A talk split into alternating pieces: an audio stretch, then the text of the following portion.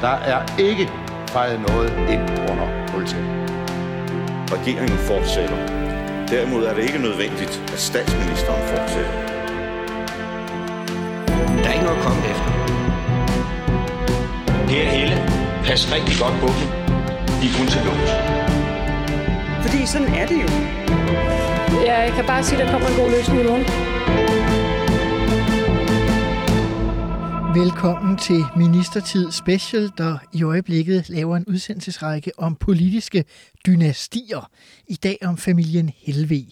Der er jo mange politiske familier, men nogle af dem er lidt mere særlige. De har nemlig mindst tre ministre, og dem har vi kategoriseret som dynastier. Møller hos de konservative, Hækkerup hos Socialdemokraterne, Ellemann hos Venstre, og altså familien Helve hos det radikale Venstre. For at gøre os lidt klogere på denne politiske dynastiske familie, har jeg inviteret Peter Lautrup Larsen med på en telefon. Velkommen til dig, Peter.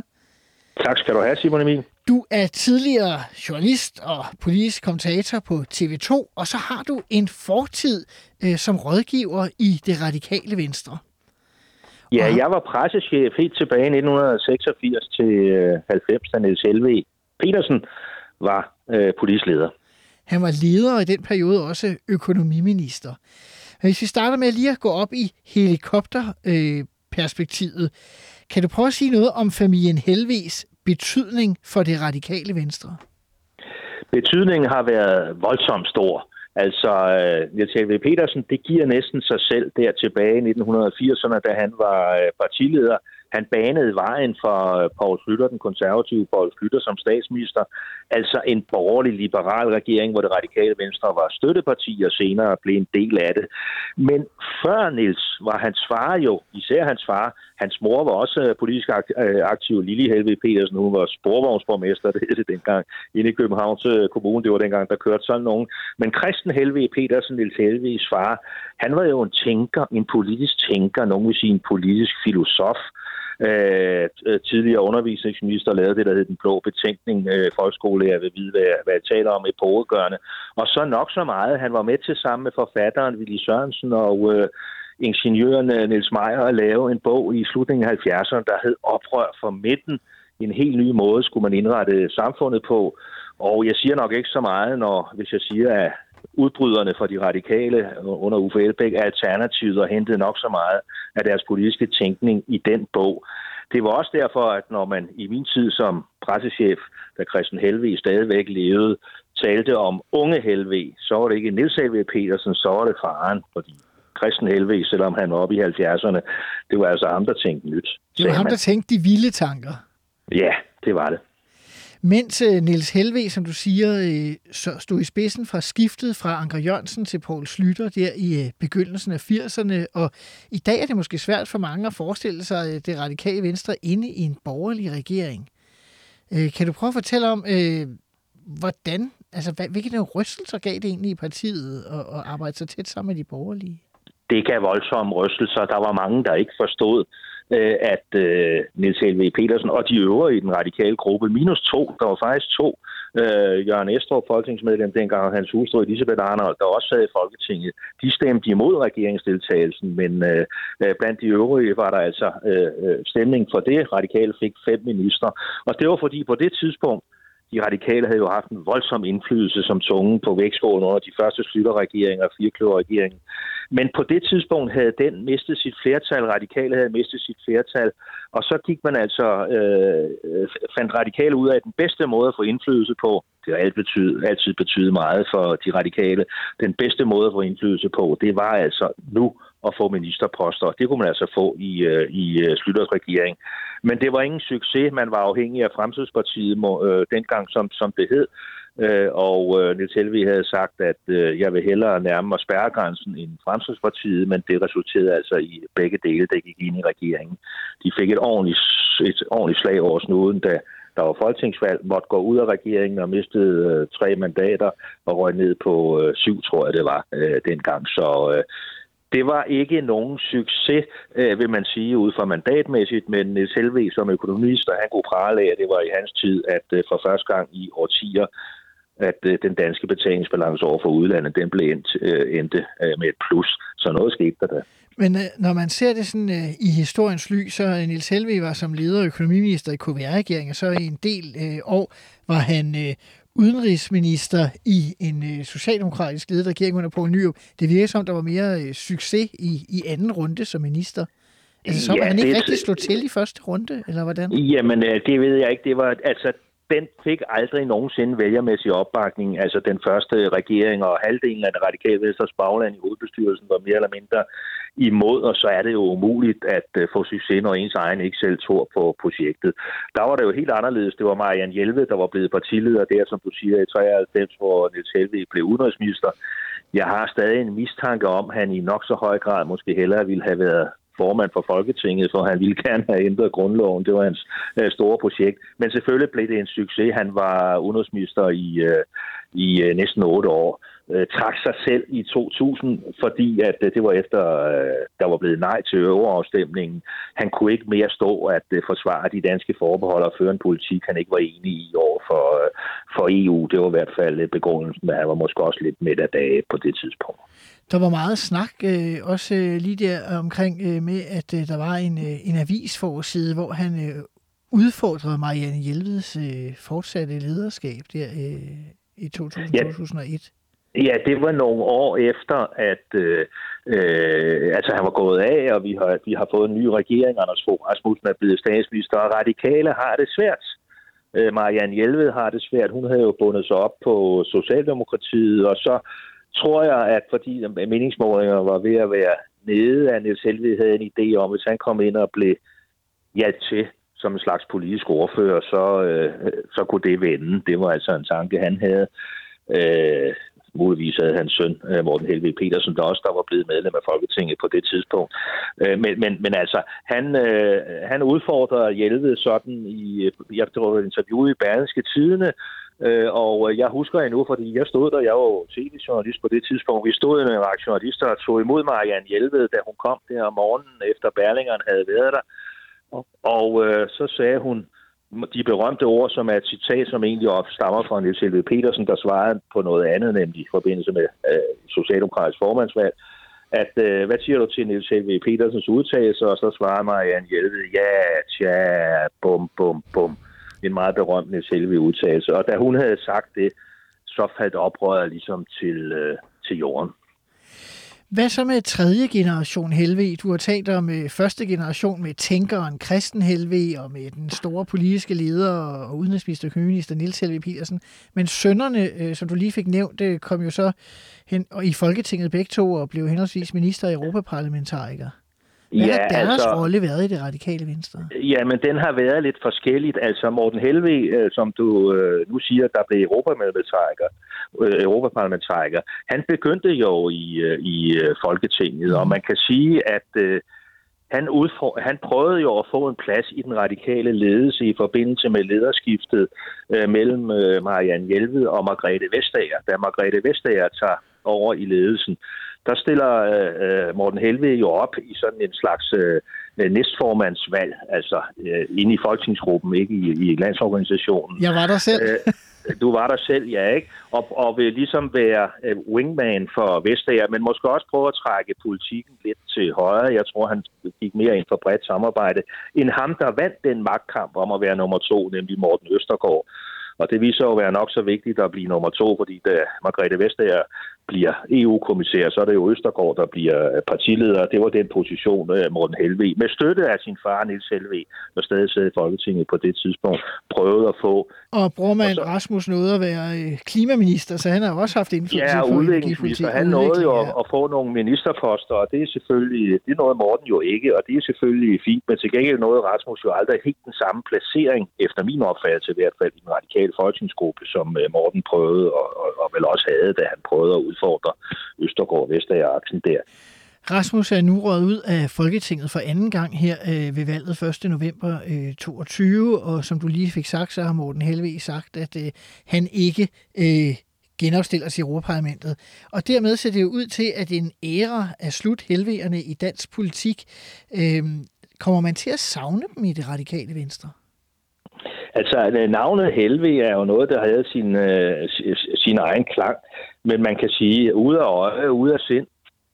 Jeg ved som ikke, om det er, øh, om man vil det. Altså, øh, sandsynligheden for, at Morten Helve kunne blive øh, genvalgt, jeg ved ikke, hvor stor øh, øh, den, havde, den havde været øh, fordi de radikale jo er presset i, i øjeblikket, men, men altså, som sagt, det var de også, da han stillede op i sin tid første gang.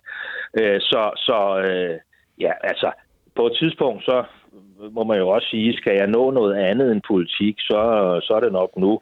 Altså Rasmus Helve Petersens planer øh, kender jeg ikke til, men, men, øh, men han er jo, var, var jo stillet op på Fyn, og, og øh, jeg mener, jeg ved ikke, om han genopstiller for det. det han har trukket sig. På han har trukket sig. Ikke? Så, så, så det er jo slut. Altså, de har andre planer nu, og øh, jeg tror, at begge to de har måttet sige også, at øh, det er for usikkert. Øh, og øh, og øh, så er det det. Det sidste, Peter Lautrup, øh, ganske kort. Øh, hvad er det vigtigste aftryk, familien Helve har sat øh, på dansk politik?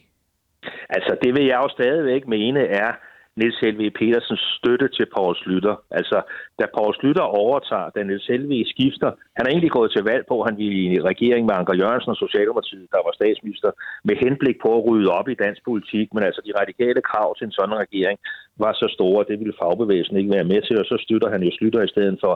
Og det er jo der, dansk økonomi ligesom får et vendepunkt. Vi har haft en finansminister, Knud Heinesen, der siger, at vi nærmer os afgrunden.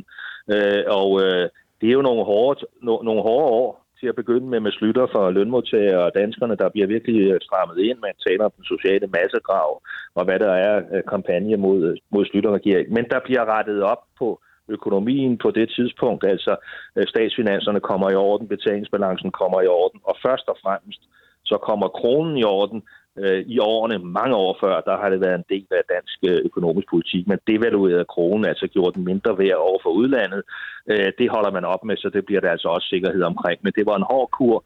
Men den støtte og det flertal, de radikale gav til det, det mener jeg i virkeligheden er det største helvede aftryk, øh, øh, der, der, der, der har været.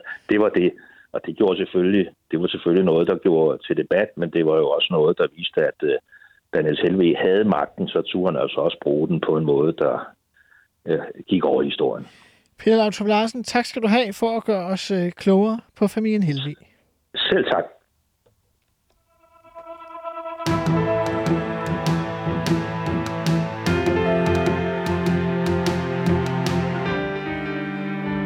Jeres farmor og farfar var vel det, man øh, Kristen og Lili Helve Petersen var vel det, man kalder et politisk powerpar øh, i dag. øh, når man ser på deres øh, CV, og når man læser i bøgerne, så ser det ud som også, at, øh, at Lili faktisk var sådan en stor kraft bag ham, øh, som jo ellers var den, der først var, var fremme øh, som minister. Hvordan oplevede I egentlig selv øh, Kristen og, og Lili? Det var jo nogen, vi, det var vores elskede bedsteforældre, øh, farmor og farfar. Øh, men de var også helt klart centrum i en stor politisk diskussion, og havde hver sit sindelag, suppleret hinanden godt, men var også helt forskellige. Hvordan? Jamen altså, Kristen han var jo flyvsk, han havde helt berettiget ord for at have fødderne plantet i den blå luft.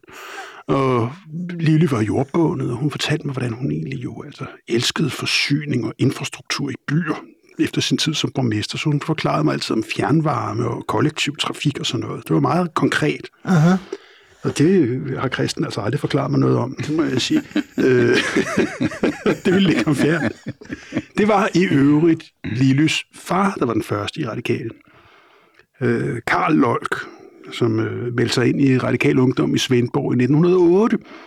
Og så har familien været med siden. Så der var lige de første fire år af partiets historie, hvor der var vi, ikke med. der var vi ikke, det må jeg sige. Men han var, han var skipper og skrev rasende læserbreve i, Fyns Amtsavis omkring, øh, hvordan A.P. Møller knægtede havets husmænd, de små skipper og jo, ja. Så der var man virkelig på, øh, på de små side. Der ja, ja, ja. Klassiske radikale. Familien stammer fra Langeland, ikke? Og Tåsing. Og Tåsing, ja. Øh, Christen, han bliver øh, undervisningsminister i 1961. Øh, der er vi lidt tilbage. Øh, den gamle radikale leder Jørgen Jørgensen går af som undervisningsminister, og, og Christen overtager. Øh, og det kan godt være, du siger, at han havde, øh, havde benene placeret i den blå luft, men han har faktisk sådan en ressortkamp om, øh, forskningsområdet øh, i forhold til Kulturministeriet og, og lykkes med at beholde det. Mm. Øh, der er sgu ikke noget der. Altså, han kunne også det politiske spil. Øh, kunne han talte I også sådan mere om jeres øh, politiske muligheder og sådan noget egentlig?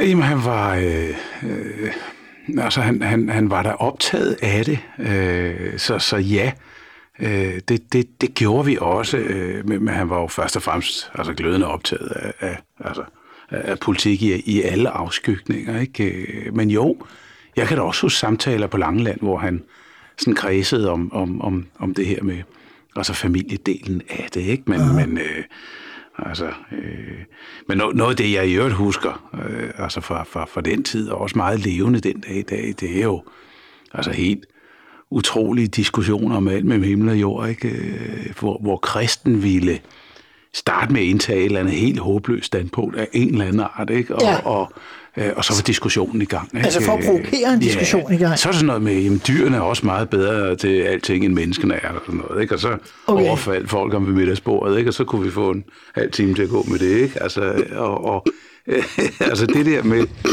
øh, jeg har sådan meget levende erindring om, om situationen på Langeland, hvor at, at altså, alle var helt oppe at køre over et eller andet, ikke? Og, og, og, og, og farmor Lille, der, som, som var sådan en meget myndig dame, kommer ind og, og, og siger så, nu, nu stopper vi diskussionen, øh, nu skal vi spise, øh, maden er varm, øh, vi, vi holder våbenhvil.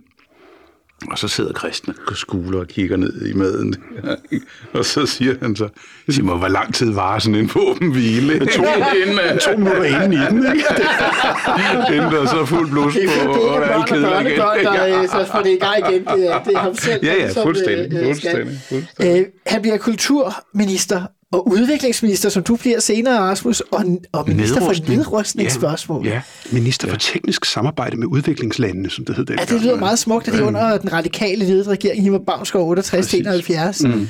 Øh, altså hele det der internationale har jo fyldt meget i jeres familie. Han var jo også europaparlamentariker. Ja, han var, han var jo direkte ikke? udpeget Ja. ja. på det tidspunkt Før der var i 1970'erne, Ja, før der var ja, ja. direkte valg. Der var det første radikale medlem af Så det internationale har i hvert fald været en rød tråd. Altså jeres far var jo også udenrigsminister i jeres familie. Men det virker som, når man læser om øh, kristen, så kan man sige, det er jo ikke sådan, at man tænker, det er sådan en politisk blok i det radikale venstre, I nødvendigvis er, hvor jeres synspunkter altid er sådan specielt identiske. Han var sådan rimelig vild på undervisningsområdet, Ja, ikke? Han det var synes, at der var sgu for, som jeg, nu må I jo gå imod mig, jeg læser også om, der var for meget øh, faglighed i skolen, og man måske ja. skulle have lidt mere sådan Jamen, han var meget radikalt optaget. menneskesyn. Altså, han var sgu ikke så interesseret i det der faglige, han var interesseret i børnene. Ja, jo, men, men han havde jo også... Øh, altså, han havde jo en lang karriere i skolevæsenet. Han, han var jo skoledirektør, inden han bliver minister. Han, han kommer jo med, altså med, med en faglighed i forhold til undervisning, pædagogik, øh, uddannelse, uddannelsespolitik i det hele taget. Ikke? Og, og, og det, det, det har jo altid været i ham. Men han var også på mange stræk, øh, altså nærmest sådan anarkistisk i, i tilgangen til det. Ikke? Noget af det var sådan helt maoistisk med ligestilling mellem hånden og åndens arbejde, og, og, og, og, og, og særligt i hans senere år, hvor han var øh, meget optaget af øh, landsforening til støtte af sent udviklet, som det hed øh, på det tidspunkt. Uh-huh. Der vil sikkert være alle mulige bogstaver på det i dag, ikke? Men, men han var enormt optaget af det her med, med børn, øh, som ikke nødvendigvis var boligt øh, virkelig dygtige osv. Hvordan kunne man lave en, en undervisningspolitik og, og, og en uddannelsespolitik, der gjorde, at, at du kunne fagne og du kunne rumme også børn, der havde svært ved, uh-huh. øh, ved det bolige, ikke? Og det førte så til, altså du ved, han siger, jamen, så skal de ud i standen og tælle grise, så kan de jo sagtens regne, ikke? Og, og, og de typer af ting der, ikke? Det, det fyldte meget hos ham. Og det var et ledmotiv gennem alt hans virke. Jo, og så øh, det der med, altså han var jo sådan anarkistisk i forhold til det der med, med meget, at opgøre med meget systemtænkningen. Altså det der med, han havde socialrådgiver, fordi han, han synes jo, at, at det der med de der unge mennesker, der så kommer ind til en socialrådgiver, jamen, så har du et problem, så får du en diagnose, og så videre, og så videre, ikke? Hvor, hvor hans tilgang til det var at slå de der altså mure ned og, og, og, og lade de unge mennesker komme ud og, Jeg se potentialet, ud, før du begynder at se problemet i hver og en. Men jeg kan heller ikke lade være med at tænke på, at den undervisningspolitik, som måske virker sådan lidt løs på nogle punkter, når man ser det med nutidens øjne, vel også var et opgør med den meget øh, kæftrit retning undervisningspolitik, der var på det tidspunkt. Det var det også, og det, Det var var venskab. betænkning, som, Det som var- han jo står fader til, øh, taler man jo stadigvæk om den dag i dag i, i uddannelseskredse. Og så var sådan en betænkning om folkeskolens forandring. Ja, ja og, og, og med udgangspunkt i den enkelte, og, og så videre, så videre. Ikke? Som jo var et opgør med den altså herskende teknik på det tidspunkt. Ikke? Uh-huh. Men også er et af de mest radikale dokumenter i forhold til, hvad er børn, og hvad, hvordan skal man se på dem. Altså det drejer sig om at understøtte det hele menneske. Det drejer sig ikke om at lære nogle øh, menneskeenheder at regne og læse. Uh-huh. Det drejer sig simpelthen om at udvikle børns fulde potentiale. Det står også altså, stadigvæk i folkeskoleloven. Ikke? Så jo, det var sgu et ledmotiv. Hvis vi fortsætter op i 70'erne, mm. øh, jeres farmor Lille Helve, hun øh, er nyvalgt øh, borgerrepræsentant, og den radikale borgmester øh, Arne Guttermand, han øh, dør øh, efter nogle få måneder, og så bliver hun som nyvalgt borgerrepræsentant det, man kalder sporvejsborgmester. Yeah. Øh, nu kommer vi snart op der, hvor I kan huske det sådan bedre sådan personligt, tænker jeg også. Ja, kan tro. Øh, hun er den anden kvindelige borgmester i København, altså på den måde, at, at siger det jo også noget om, hvordan tiden er gået. Ikke? Det var noget helt særligt øh, dengang. Øh, og samtidig så bliver jeres øh, farfar Kristen, han bliver landsformand for de radikale. Han udgiver den her bog, der får den politiske debat til at eksplodere vel i virkeligheden i Danmark med oprør fra midten sammen med, med Willy Sørensen og, og Niels E. Meyer. Øh, hvordan oplever I hele det der, den diskussion? Fyldt den hos jer? Ja, det gjorde den bestemt. Altså, bogen var jo øh, startskud, som du selv siger, på en kæmpe debat. Der husker jeg bare, at jeg var stolt over, at det var farfars bog, som folk snakkede om. Uh-huh. Så jeg var så lille, så jeg ikke tror, jeg fik den læst før øh, 5-10 år senere. Men det fyldte i den forstand, at folk talte om den hele tiden. Uh-huh. Og jeg synes jo, når man læser den i dag, så har tiden ikke været særlig noget ved den. Jeg kan godt lide nogle af Ville Sørensens afsnit, men altså... Hvor, hvor, hvor har den ikke været noget i? Jamen altså, nu er det så efterhånden mindst 10 år siden, jeg har læst den, men jeg husker den så meget sådan, øh, altså det, det er noget ko- kooperativistisk, hvor man skal gå sammen i små fællesskaber. Og jeg synes, den er lidt naiv, når jeg læser den i dag. Uh-huh. Kan du huske den? Ja, det kan jeg godt. Øh, og, og, men, men det er jo også en 70'er bog, ikke? Ja. Altså, den er fra 77. Den er meget, tids, det, ja, den er meget tidstypisk.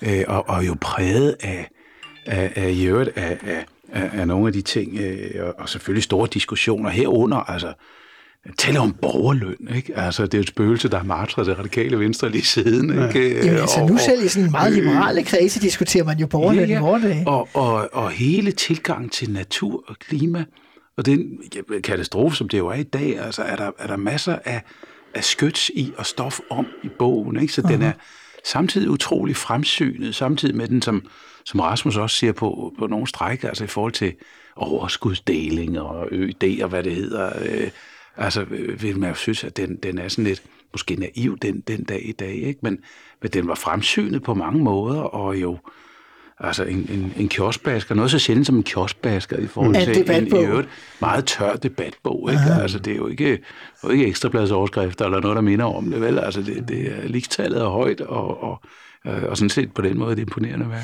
Men, men parallelt med den, der skulle du vide, der gik jo så Lille og lagde grunden til Københavns fjernvarmenet og cykelstinet. Ja, som Mens- sporvejsborgmester. Ja, og jeg har altså mange, mange gange som klimaminister skulle fremvise det her verdens største sammenhængende fjernvarmenet, og folk er imponeret over cykelstierne, så må jeg bare sige, ja, det har vi bygget på, siden min farmor var sporvejsborgmester. så de har i- på samme periode altså, gjort to rigtig forskellige indsatser, som trækker sporet til i dag. Og på Langeland, der øh, hang der i mange år øh, altså sporvognsklokken fra den sidste sporvogn i København i er det 72? Ja, eller hvad er 72 det? lukker de. Linje nummer 5 eller sådan noget. Det er hende, der ikke? står for nedlukningen. Jeg har klokken derhjemme, Morten. Nå, okay. Hvordan har du scoret den? Jeg ved ikke, den pludselig lå den der. Det Jeg håber ikke, Københavns Kommune hører med og pludselig det her. Det kan vriste den ud af dine døde kolde hænder.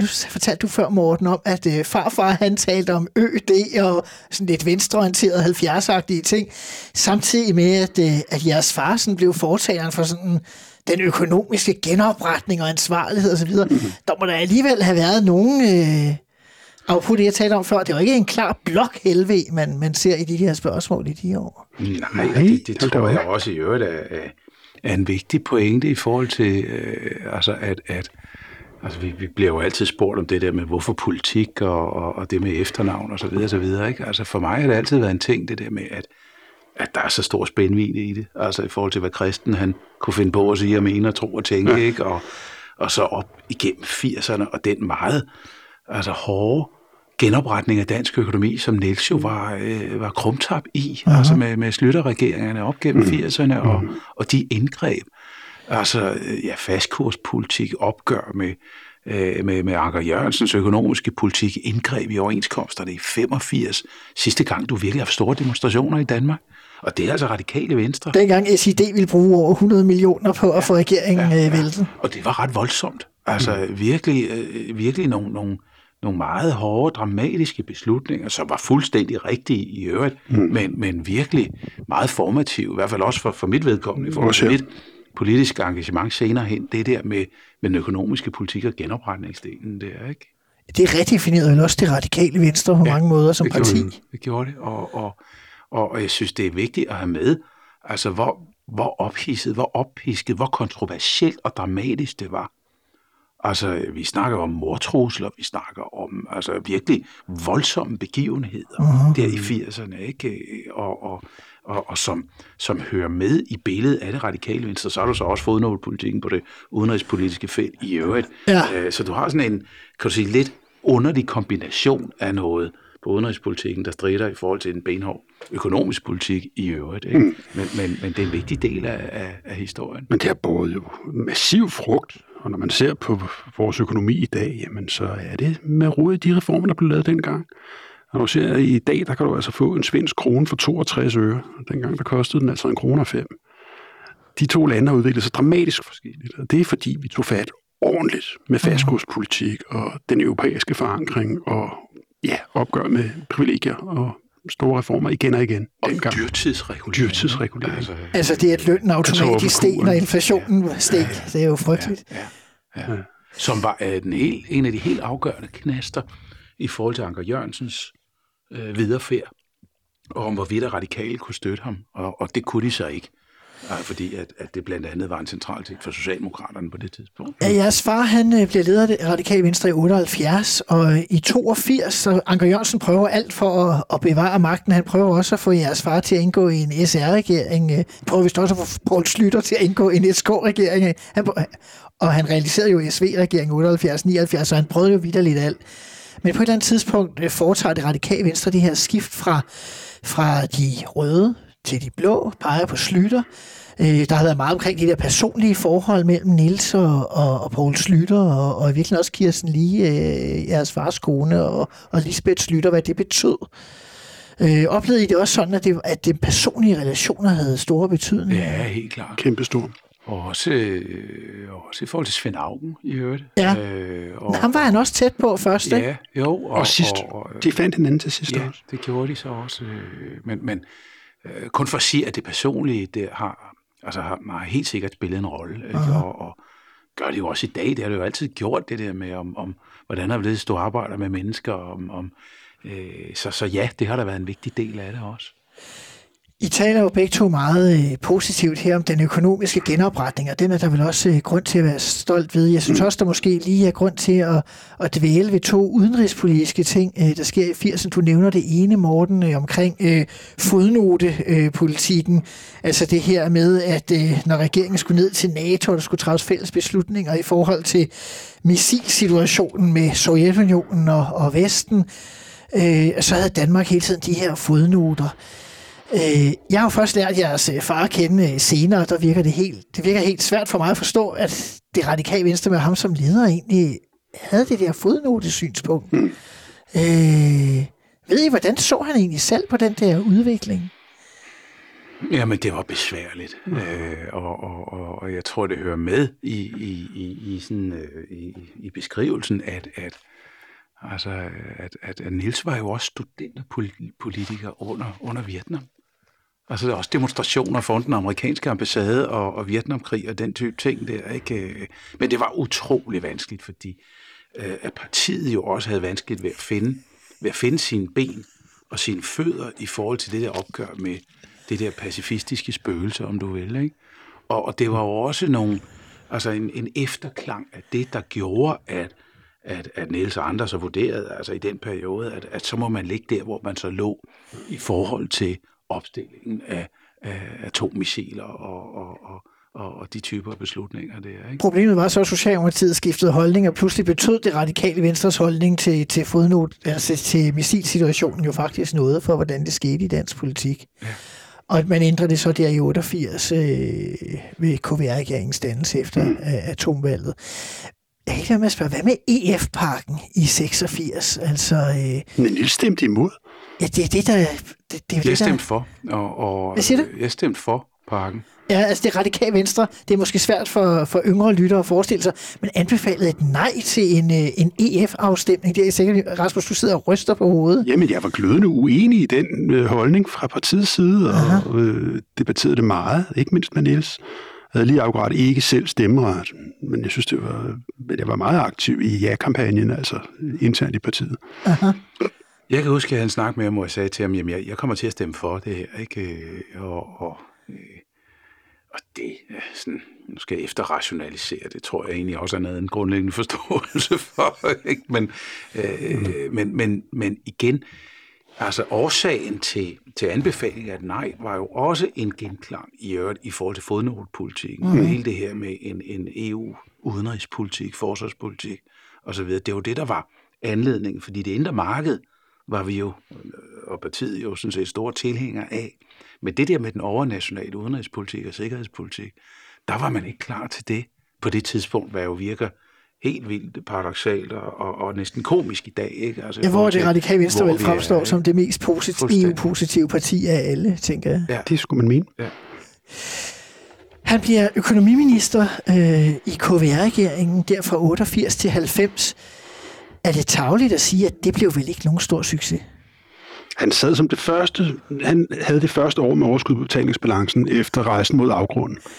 Det er klart. Øhm, så på den måde øh, er der nogle resultater, hvor man kan sige, at det var der, hvor vi for alvor så. Men det var vel også resultatet af den politik, man havde ført sammen med Slytter i, i Absolut. forgangne år. Ja. Absolut.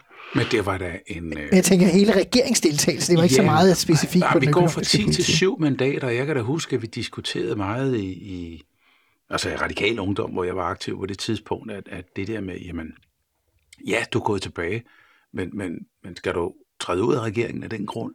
Altså, det, det var en diskussion også. Så du ret vælgermæssigt, var det ikke en succes. Men man Altså, træder ud af regeringen, han ikke? træder tilbage som leder af partiet. Det er da ret øh, dramatisk. det er det også. øh, det. Det er det også. Hvad i øvrigt lå- øh, stod klart også, da vi gik ind i regeringen allerede. Ikke? Altså, At hvad? At han ville træde ned, hvis det var.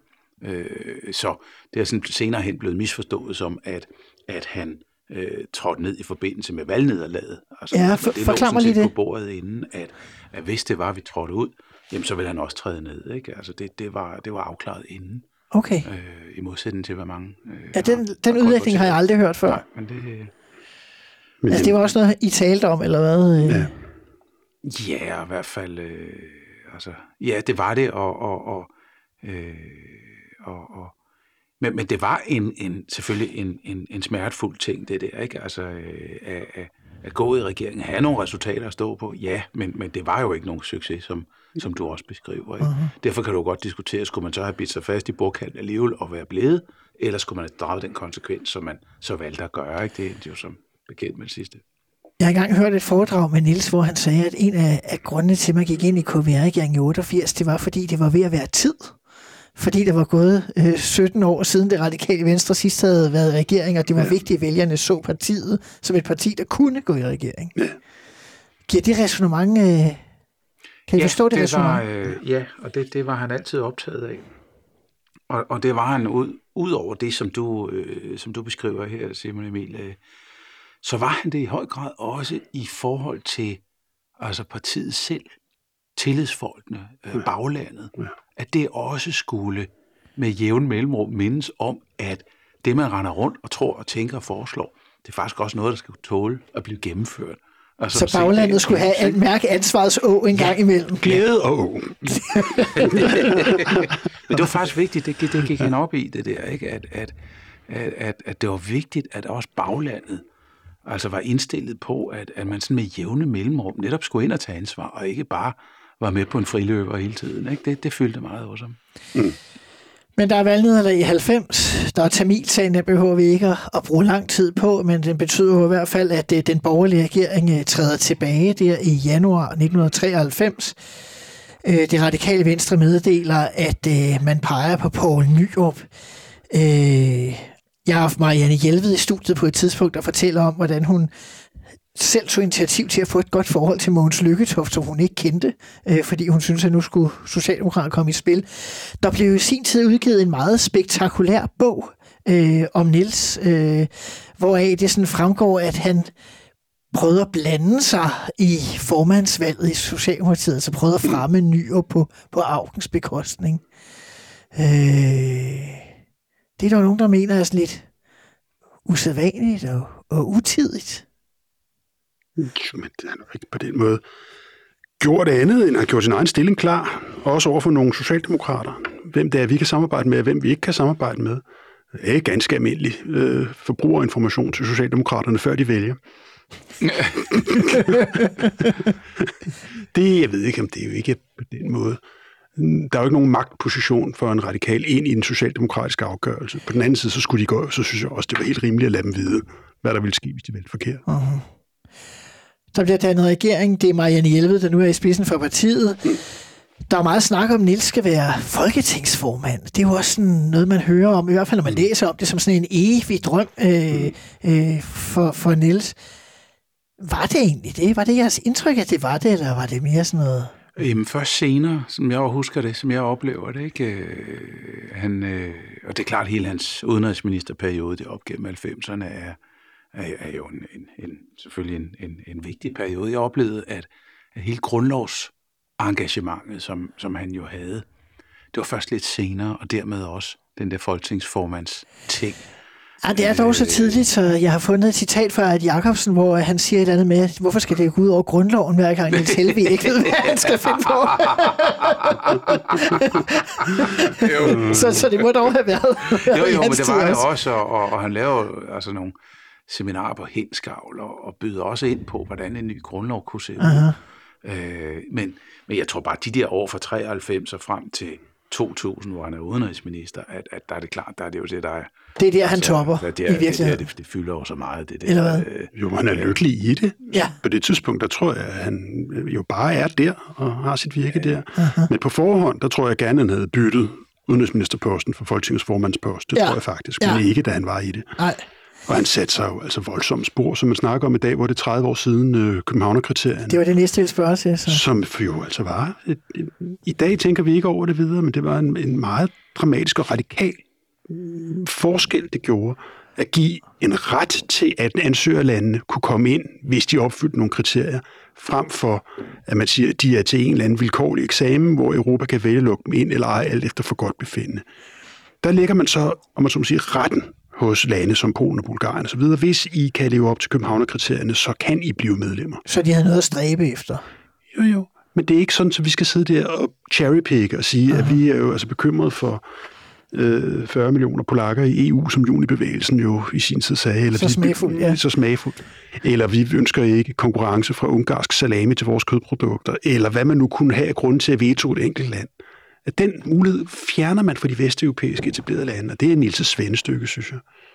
Øh, og, og noget af det altså, mest dramatiske også i europæisk udvikling, der er set, at vi faktisk tager 110 millioner østeuropæiske indbyggere ind i EU og giver dem lige rettigheder. Man Det- tager så vel alligevel en del lande ind, som ikke opfyldte øh, Københavnerkriterierne, da det endelig kom til stykket. Altså på det tidspunkt, der må man sige, at de gjorde det Yes. ved optagelsen. Altså det er jo efterfølgende er jo Polen og Ungarn Jo, jo, men, men jeg er ret sikker på, at at være da man optog, var der vist kun fire af de ti øh, lande, som opfyldte alle Københavnerkriterierne. Men, så er der med proces i det. Men det Ja, dramatiske er jo også, at når du giver folk fuld markedsadgang og politiske rettigheder og et rum at virke i, jamen så har de mulighed for at vokse, og de lande, der kom med i EU dengang, har klaret sig utrolig meget bedre end dem, der ikke klarede kottet, såsom Ukraine og Moldova. Nå, men på et eller andet tidspunkt, mm. så er I ikke bare med på sidelinjen og har lov til at, at tale med, fordi I hedder Helve. så, øh, så bliver det også til noget, Morten. Øh, Først øh, for dit vedkommende, du kommer i Folketinget i, i 98. Mm. Øh, Hvordan er det egentlig at sidde i folketingsgruppe med sin far? Jamen, øh, altså lige fra 98 til 2000, der var, var Niels jo stadigvæk udenrigsminister. Ja. Øh, og så træder han ned, i øvrigt på grund af forbeholdene.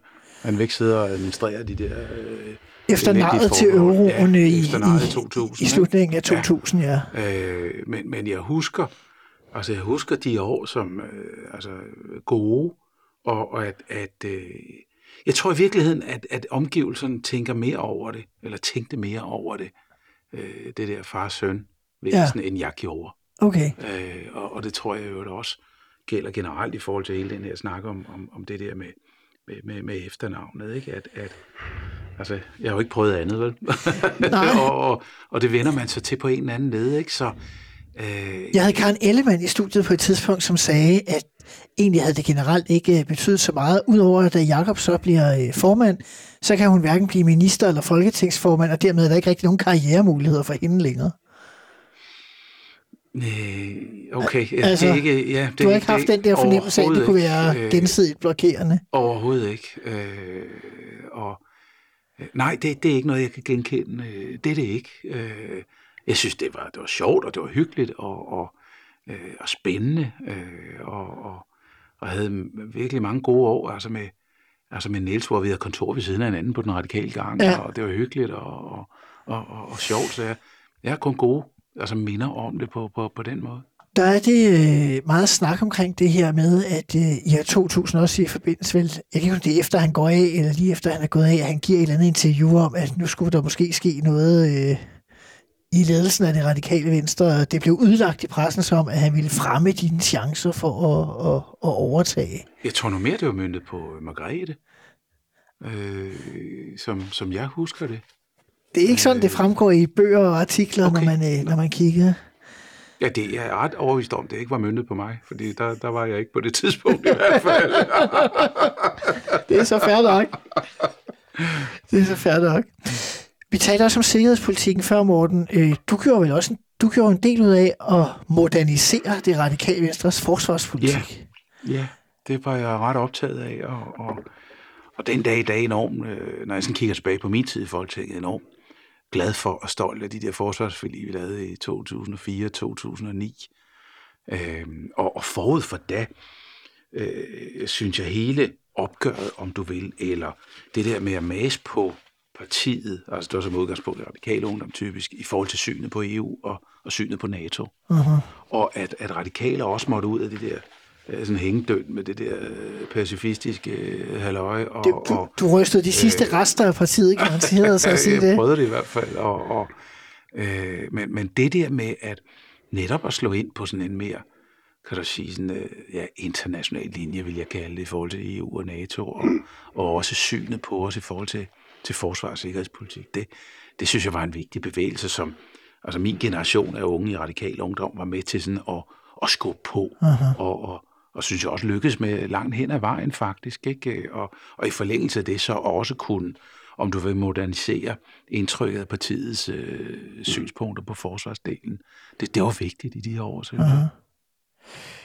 Ja, det var ligesom om, man kunne dele folk op i dem, der var øh, for, og dem, der var imod NATO, og dem, der var for, og dem, der var imod EU. Det var ligesom to fløje, der var i partiet i den Ja. omgang. Der var radikalt EU-kritisk netværk ja, engang. Ja, ja. Og jeg er ikke i tvivl om, at vores nuværende stærke engagement i EU skyldes sådan set de der kritikere. Fordi i en lang periode, hvor der ligesom ikke var meget EU-debat i de enkelte partier, der gik vi og havde en levende, aktiv EU-debat altid. Og vi lærte virkelig at stå på mål for det og fremme vores standpunkter. Hvorimod EU-diskussionen i mange andre partier egentlig bare handlede om flæskepriser. Så jeg tror virkelig, at vi blev skolet også over i at tage vores meget aktive øh, ja-hat på. I Det var rart at have nogen at spille bold op af. Eller? Jo, de tvang os jo til at redegøre for vores holdninger, og hvorfor vi egentlig ville det her. Det ser, jeg, jeg skal ikke sige, at jeg er verdensmester i kropssprog, men alligevel, det ser ud som, der ikke er helt overensstemmelse mellem brødrene Helve. Og Nej, Det er vi fordi, har- jeg sagde noget pænt om EU-modstandere. Ja, det er det. Ja, ja, ja, så, se dig. mine tics begynder. Nej, men jeg, jeg synes, det var... Øh, altså, det, det, det var jo nogle enormt interessante år, det der, altså i forhold til, til synet på, på NATO og synet på EU og, og den øh, ja, modernisering, eller hvad man vil kalde det, opdatering af, af partiets tilgang. Ikke? Altså, og, og, og der, jeg synes da, det var nogle konflikter, det lyder så voldsomt, men der var virkelig regulære uenigheder på det, ikke? Ja. Og, og, og om, om synet på de to organisationer, ja. og hvad for en politik vi skulle føre sig. Ja. Jeg synes da, det var... Øh, altså, det, det, det, det var der virkelig nogle, nogle, nogle store diskussioner, vi havde, som jeg synes heldigvis faldt rigtigt ud, mm. øh, men det kom ikke af sig selv. Nej, enig. Vi skal lige have med, Rasmus, du kommer også i Folketinget, ja. og øh, Noget senere. noget senere, men bliver ret hurtigt øh, minister egentlig. Øh, fordi Christian Friis Bak øh, imod alle andre end ham selvs øh, øh, vurdering øh, mener, at øh, han havde gjort noget, han skulle træde tilbage for. Mm. Øh, så bliver du udviklingsminister den tredje øh, radikale helve, der har noget med, med udenrigspolitik i- på ministerniveau øh, at gøre. Er der overhovedet sådan en forventning om, man skal leve op til de tidligere, eller er det bare alle os andre, der sidder og... Nej, det er bare alle andre. Altså, det, altså, der er jo ikke nogen, der er mere ambitiøse end en selv. Altså, der er, du vil jo ikke være mere ambitiøs på min vegne, end jeg selv er. Det må jeg bare sige. Så det, jeg havde at leve op til, det var mine egne forventninger til, at nu skulle jeg prøve at gøre det her godt. Aha. Og jeg var lykkelig for at få chancen og budet, og så fik jeg kun lov at være udviklingsminister i 72 dage. Ja, vi har Og som jeg har fortalt dig tidligere, så var det virkelig mit drømmeministerium. Ja. Jeg glædede mig sådan til at gå i gang, og begyndte at legne ting op, og nu skulle der ske noget, vi skulle reformere alt og det hele. Og så blev du slæbt over i klimaministeriet. Og jeg var så sur. Så Margrethe, hun så mest havde ringet og sagt, at jeg skulle være klimaminister. Det er altså, ud fra alle objektive kriterier, en kanonforfremmelse til et større ministerium, der står sådan centralt i den nuværende debat. Og jeg var så enormt sur på hende. Hun kiggede lidt skræmt på mig dagen efter. Du var meget sur, var du ikke? Jo, jeg var. Jeg skulle lige til noget derovre. Du, du blev forfremmet væk fra dit drømmejob. Det er selvfølgelig meget ærgerligt. ja, det er virkelig surt. Nå. Ja, jeg blev selvfølgelig så utrolig lykkelig for øh, Klimaministeriet og hele klimaarbejdet. Det var heller ikke tilfældigt, at jeg kom derover. Jeg havde været klimaoverfører allerede. Ja. Øhm, og det er jo så det, jeg kommer til at vige resten af mit arbejdsliv til, det er den her grønne omstilling. Det er, øh, mener jeg, vores generations store opgave, og noget, som Morten jo også har kastet sig over Food Force i Europaparlamentet. Aha. En umådelig svær, umådelig vigtig opgave, som vi øh, fuldstændig er tvunget til at løse, og den går vi altså ind i med alt, hvad vi har, tror jeg begge to. Hmm. Ja, fordi inden at øh, Rasmus kommer i Folketinget, så har du forladt det. Øh, det var til, til, de, til, til, til de lyttere, der, øh, der måske øh, er kommet til øh, dansk politik senere, så er det jo første gang, øh, Morten Helve forlader dansk politik. øh, det, det, er så- Rolling Stones det- reunion tour, ja, det her. det er som om, at, øh, at øh, på et eller andet tidspunkt, der er er lederskiftet der i 2007 fra Hjelved til Vestager. Du vil gerne være næstformand for Folketingsgruppen. Det er beskrevet offentligt. Det, det bliver du ikke. Øh, stod, du stod mod en mur på en eller anden måde ved, ved mulighederne i Folketingsgruppen, eller hvad skal man kalde det? Ja, ja, jo, det gør jeg. Jeg taber jo det der valg i 07, ikke? Og, og forlader så Folketinget to år efter, fordi jeg skulle prøve noget andet. Ja. Altså, jeg, jeg, det, det, jeg er super glad for alle mine år i Folketinget, altså, men, men det var vigtigt for mig, det der med ikke at løbe af pinden, altså der i 07, men, men også at kigge det der Altså, hvor partiet øjnene, virkelig var i krise. Ja, Ja. ja. men også kigge det der nederlag i øjnene og, og prøve at komme øh, videre øh, fra det, ikke? Og, og, og så der i 09, så passede det fint med, at jeg skulle, jeg skulle prøve noget andet. Aha. Altså, jeg, jeg, gode år på Christiansborg, men også, det er jo så jo også en af grundene til, at jeg besluttede mig for, for det, jeg så har gjort her nu. Ikke? Altså, jeg, jeg, jeg, jeg tror også meget på det der med, at, at det, det er ikke en statisk størrelse, det her. Altså, øh, altså det, er også, det er også godt ikke bare altså, at, at, at, at hænge fast i, i en bestemt ting. Ikke? Øh, og, og det er 09, det var bare på tide for mig at komme videre. Altså. Nu kan det jo være, at Martin Lidegaard eller andre skal lytte med, når jeg stiller det her spørgsmål. Hvordan blev du lukket tilbage til politik? Jamen, det gjorde jeg. Øh, Hvad skulle man lægge i musefælden, for at du stak snuden frem? Nej, men det var... øh, Jeg, jeg, jeg blev direktør i, i det der... Jeg blev direktør i det, der i dag hedder Danske Medier, og, og, øhm, øh, og, og det arbejde, vi lavede der, det var meget med databeskyttelse, og, og, og sådan, hvad kan man på nettet, og, og, og og, og var jeg jo enormt glad for at prøve det der med sådan at, at drive en, en, en brancheforening, en brancheorganisation. Men det gik op for mig i de år, at alt det politiske arbejde, vi lavede, det lobbyarbejde, vi skulle lave, det var med fokus på Bruxelles. Det var altså ikke forskningsudvalget på Christiansborg, øh, der, der var relevant her. Det var kommission og parlament. Og det var en øjenåbner for mig. Jeg havde fem gode år i, i, i den verden og lærte en masse af det. Og blev gradvist opslugt af det der med, med det europæiske der. Og Men hvordan blev du det. lukket tilbage, Morten? Jamen det var, øh, jeg, jeg blev ikke lokket, fordi du kan sige, øh, altså partiet havde jo ikke nogen valg i Europaparlamentet på Nej. det tidspunkt. Øh, vi havde jo Lone Dybkjær frem til 09, og så den der periode fra 9 til 14, der havde vi ikke nogen. Og, og, og det betød bare, at, at Ej, hvis vi... Der var Anders Samuelsen imellem, men forlod partiet, og... Ja, jo, men Europa, Radikale Europaparlamentet. havde jo ikke et medlem af Europaparlamentet nej. fra 09 til 14, og, og, og, og det kom bare til mig, det der med, at, jeg ville gerne tilbage til politik, men det skulle ikke være Christiansborg. Og, og det der med, hvis vi skulle lykkes med at få en valg til Europaparlamentet, Aha. så krævede det en masse af partiet og en god valgkamp osv. Og, så videre, ikke? og, og der begyndte jeg simpelthen at snakke med, med folk om, og, og, og Margrethe også, og, og, og Så vi det var fandt dig, der foreslog det til ikke? hende, og ikke omvendt. Ja. Ja, som jeg husker det, ja. Ja. Hvad med dig, Rasmus? Du kom jo også ud af Folketinget og kom tilbage igen. Mm. Ja. Altså, så I har begge to øh, etableret øh, øh, andengangs politiske karriere. Ja. Altså, øh, Morten han valgte at gå ud af Folketinget. Jeg blev hjulpet ud af vælgerne. Var, øh, folk. det var en lidt anden proces. Øh, og det var, jeg, det var jo der i øh, 15, der tabte jeg valget Ja. øh, og røg ud af Folketinget. Og øh, blev så direktør i DIPD, som laver demokratiudvikling i afrikanske og asiatiske lande. Og det var jeg glad for, men jeg havde en itch. Altså, jeg synes, der var noget unfinished business, så jeg prøvede at komme ind igen, og det lykkedes så ved valget i 19. Øh, det er utroligt få, der øh, ryger ud af Folketinget ved et valg, der så nogensinde kommer ind igen. Ja. Øh, jeg kan ikke rigtig huske andre end mig.